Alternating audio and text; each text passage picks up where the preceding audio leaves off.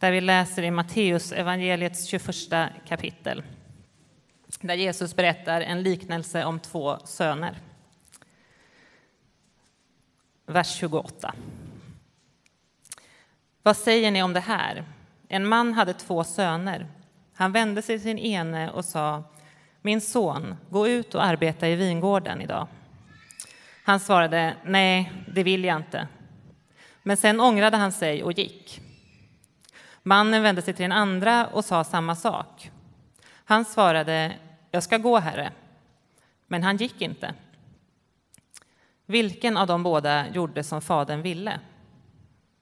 De svarade den förste. Då sa Jesus till dem, sannerligen, tullindrivare och horor ska komma före er till Guds rike. Så lyder det heliga evangeliet. Lovad vare du, Kristus.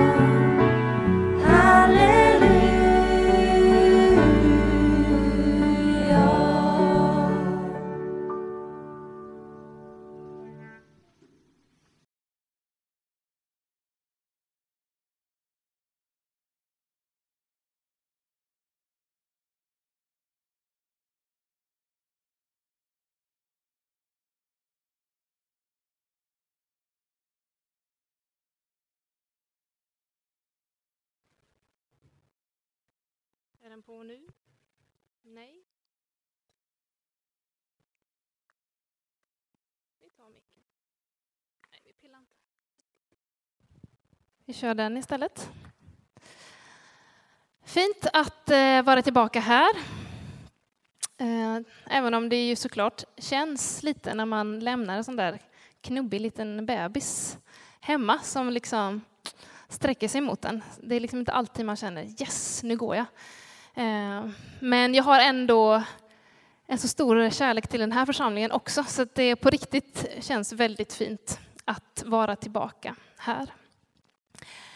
Idag så ska jag säga några ord på temat tro och liv, som ju är dagens tema från kyrkoåret. Och jag tänker att det är ungefär samma sak som att säga någonting om ord och handling eller om ideal och verklighet. Eh, och det kan ju finnas ett glapp däremellan, mellan ideal och verklighet. Och jag vet inte om ni har tänkt på det i eh, de här valtiderna, som det ju är. Jag vet inte hur mycket ni sätter er in i valet. Jag kan i alla fall själv bli ganska trött på allt tjat om trygghet och att få ordning på Sverige och så vidare. Men jag försöker ändå sätta mig in i vad det innebär med alla dessa olika eh, partier och partiprogram. Och jag försöker få mig själv att lyssna på debatter och utfrågningar eh, på SVT, men kanske framför allt Ekumeniakyrkans utfrågningar.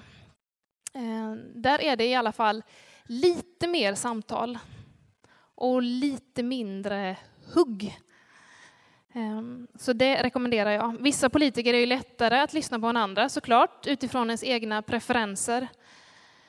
Men alla så tampas de med det här glappet mellan ideal och verklighet. Vi kan läsa på Kristdemokraternas buss, en av deras sån här kampanjbussar, så står det redo att bekämpa brott.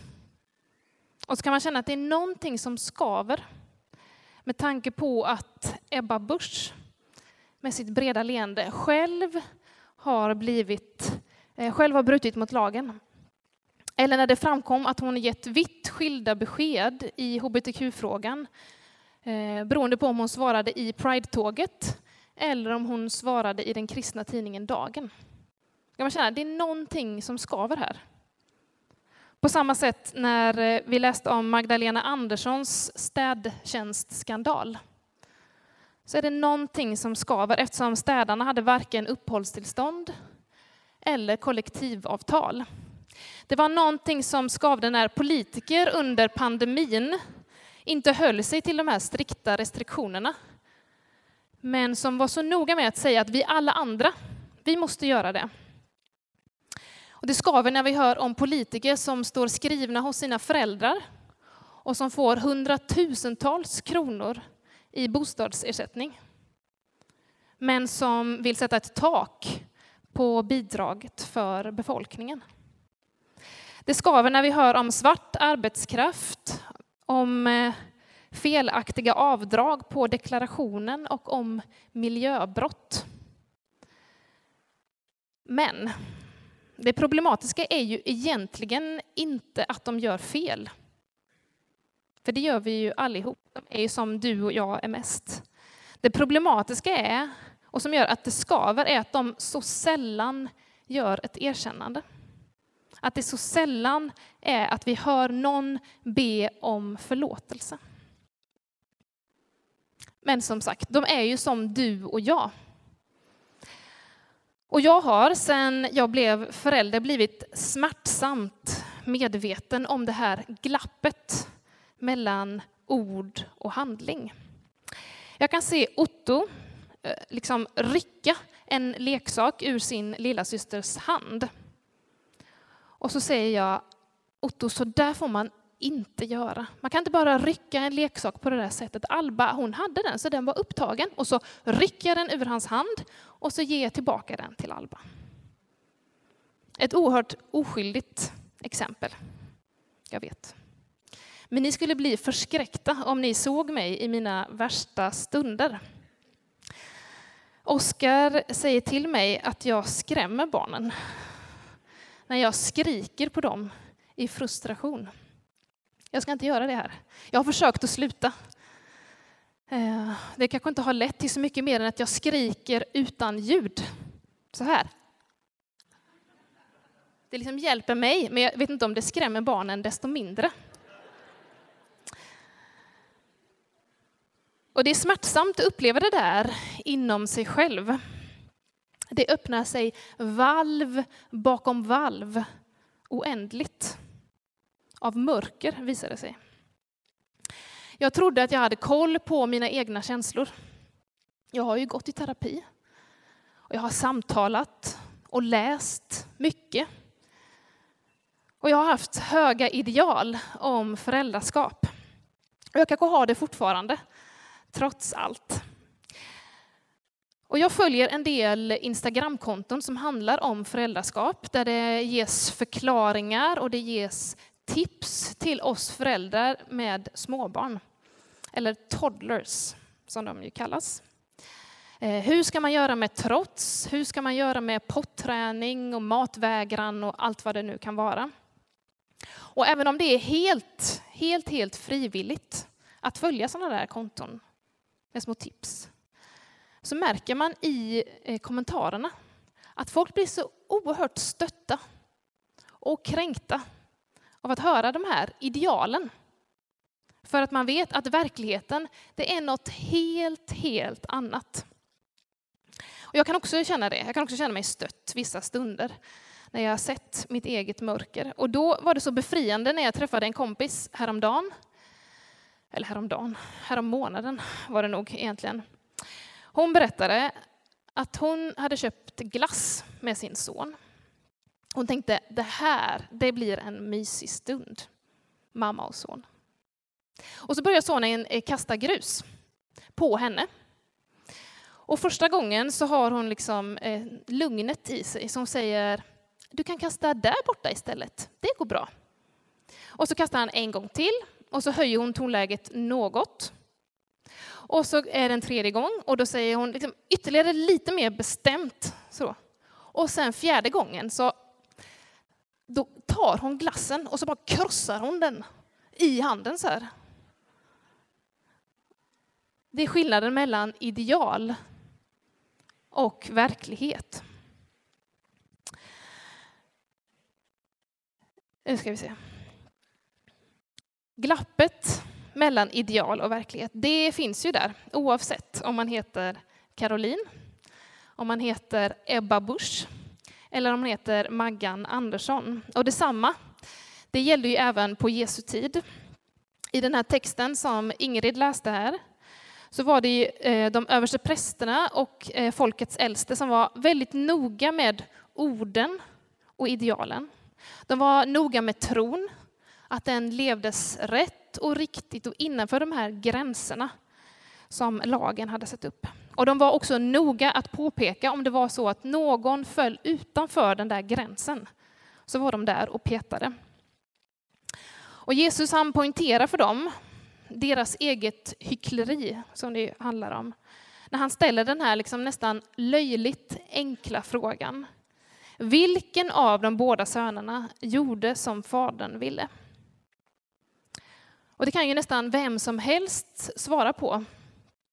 Så det blir liksom nästan lite pinsamt för de här lärda männen att böja sig och svara den första. Men de svarar det. Och den här sonen som oförskämt svarar att han inte vill arbeta. Han har inte lust med det idag, han orkar inte det. Men så gör han det ändå. Han representerar tullindrivare och horor. De som i sitt liv tycks säga nej till Gud, åtminstone på ytan. Utåt sett så lever de utanför gränsen för vad som är rätt och vad som är riktigt. Men sen när de får höra undervisningen från Johannes döparen så ändrar de sin uppfattning. De ångrar sig, precis som eh, den här sonen i liknelsen. Men de lärda, översteprästerna som på ytan har allt rätt ställt, såsom vissa vässade politiker. De säger en sak och sen lever de något helt annat.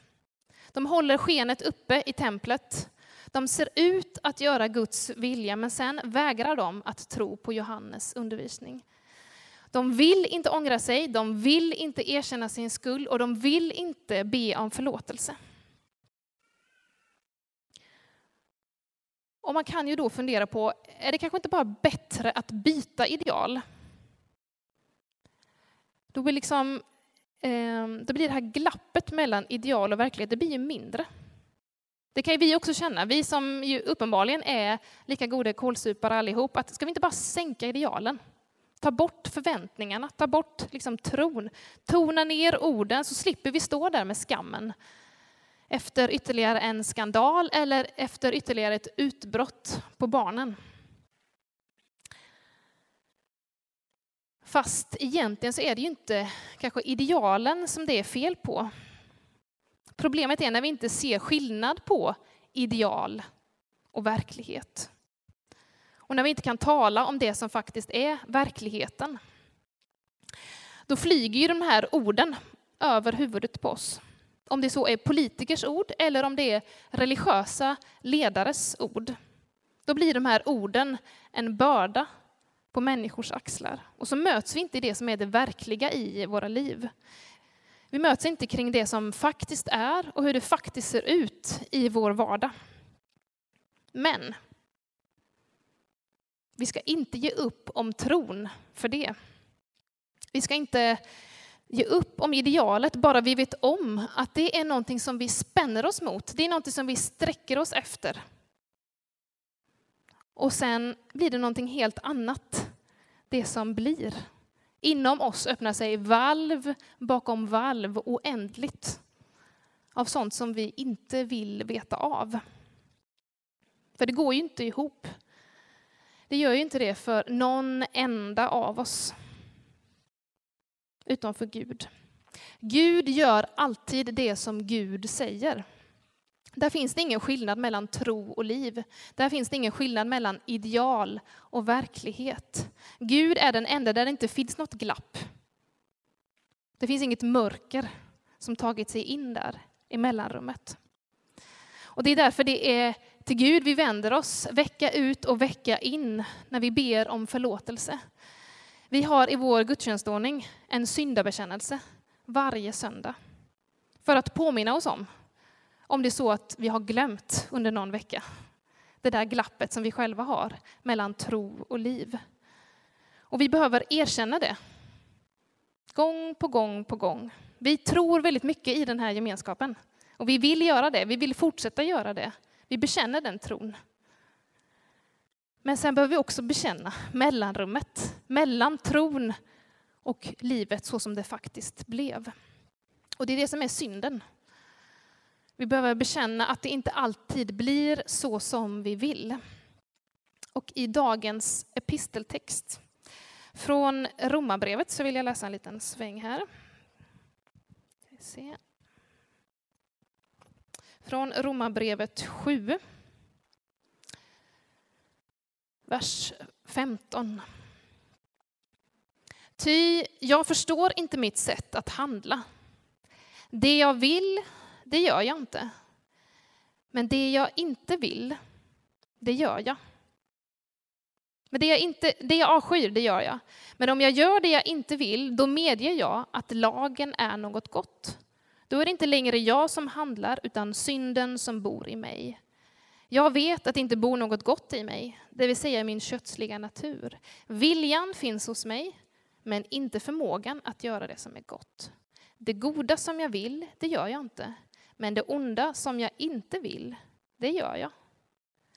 Men om jag gör det jag inte vill, då är det inte längre jag som handlar, utan synden som bor i mig. Lite rörigt där med orden, men eh, jag tror att vi alla ändå kan känna igen oss. Det goda som jag vill, det gör jag inte, men det onda som jag inte vill, det gör jag. Och vad menar Paulus egentligen med allt det där andra om lagen och synden? Ehm, jo, att lagen är något gott. Alltså det som Gud gav det judiska folket, den är god och den är helig. Och sen har vi alla erfarenheter av synd. Vi har alla erfarenheter av vår oförmåga att i handling omsätta det som vi faktiskt vill. Vi har erfarenheter av vårt eget paradoxala beteende. Men Paulus menar att det inte är jaget som är felet, utan synden. Synden liksom blandar sig i utförandet av det som jag vill. Och förslavar mig. Och synden har ju infekterat hela mänskligheten. Och ibland är det så fruktansvärt tydligt när vi ser på allt elände som sker i världen. När vi ser med sorg på hur det är fatt med vår värld egentligen. Det är lätt att bli nedslagen, det är lätt att känna sig förlamad av allt mörker och av all negativitet om man läser nyheterna. Det verkar liksom inte finnas något hopp överhuvudtaget. Och erfarenheten av livet, även på det personliga planet, är också så fyllt av tårar, av ouppfyllda, ouppfyllda förväntningar och de besvikelser som istället slog in av missförstånd som uppstår gång på gång och av egna tillkortakommanden. Ja, ibland så kanske man bara vill bli eremit. Eller så kanske man vill bli en gammal kuf. Bortvänd från världen för att liksom slippa alltihop. För livet är så skört. Men ja, vad kan vi då göra annat än att vända oss till Gud? För vi kan ju inte med vår egen vilja ställa till rätta allt det där. Varken i världen i stort eller i vårt eget liv, verkar det som. Vi kan bara kapitulera inför vårt eget paradoxala beteende och sträcka oss mot Gud som alltid tar emot oss och som alltid vill förlåta. Gud med sin outtröttliga kärlek, det är Gud vi får vända oss mot. Oavsett hur många glassar du krossar. Och Gud finns där i den här sårbarheten, när vi liksom vågar leva med hjärtat öppet. Utan de här fina orden som sköldar mot verkligheten. Men vi kanske blir oroliga. Att Jesus liksom ska pressa oss, ställa oss till svars och liksom hänga ut oss i pressen så som han gjorde med översteprästerna. Att han ska avslöja vårt eget hyckleri. Men återigen, problemet är inte att vi gör fel. Problemet är när vi inte ser både tro och liv. Problemet är när vi separerar tron från livet och sätter upp gränser kring den där tron. Då blir det en lära som vi tillber och inte ett liv som vi lever. Och om du vill sen så har du chansen att be om förlåtelse och bekänna det där glappet i ditt eget liv mellan ideal och verklighet. Och det kan ju vara svårt att tro att Gud tar emot den. Det kan vara svårt att tro att Gud förlåter mig. Men då kan du få be med i de här orden som kommer komma på skärmarna uppe här sen. Du kan få be med i de orden som om du trodde. Och så kan du få åka snålskjuts på andras tro, liksom haka i deras tro en stund. Och så kan du få erkänna själv, aha, det bär även för mig. Nu ska jag avsluta och jag vill göra det med att läsa dagens psalm från Saltaren 143. Du får gärna be med om du vill. Psalm 143, vers 6-10.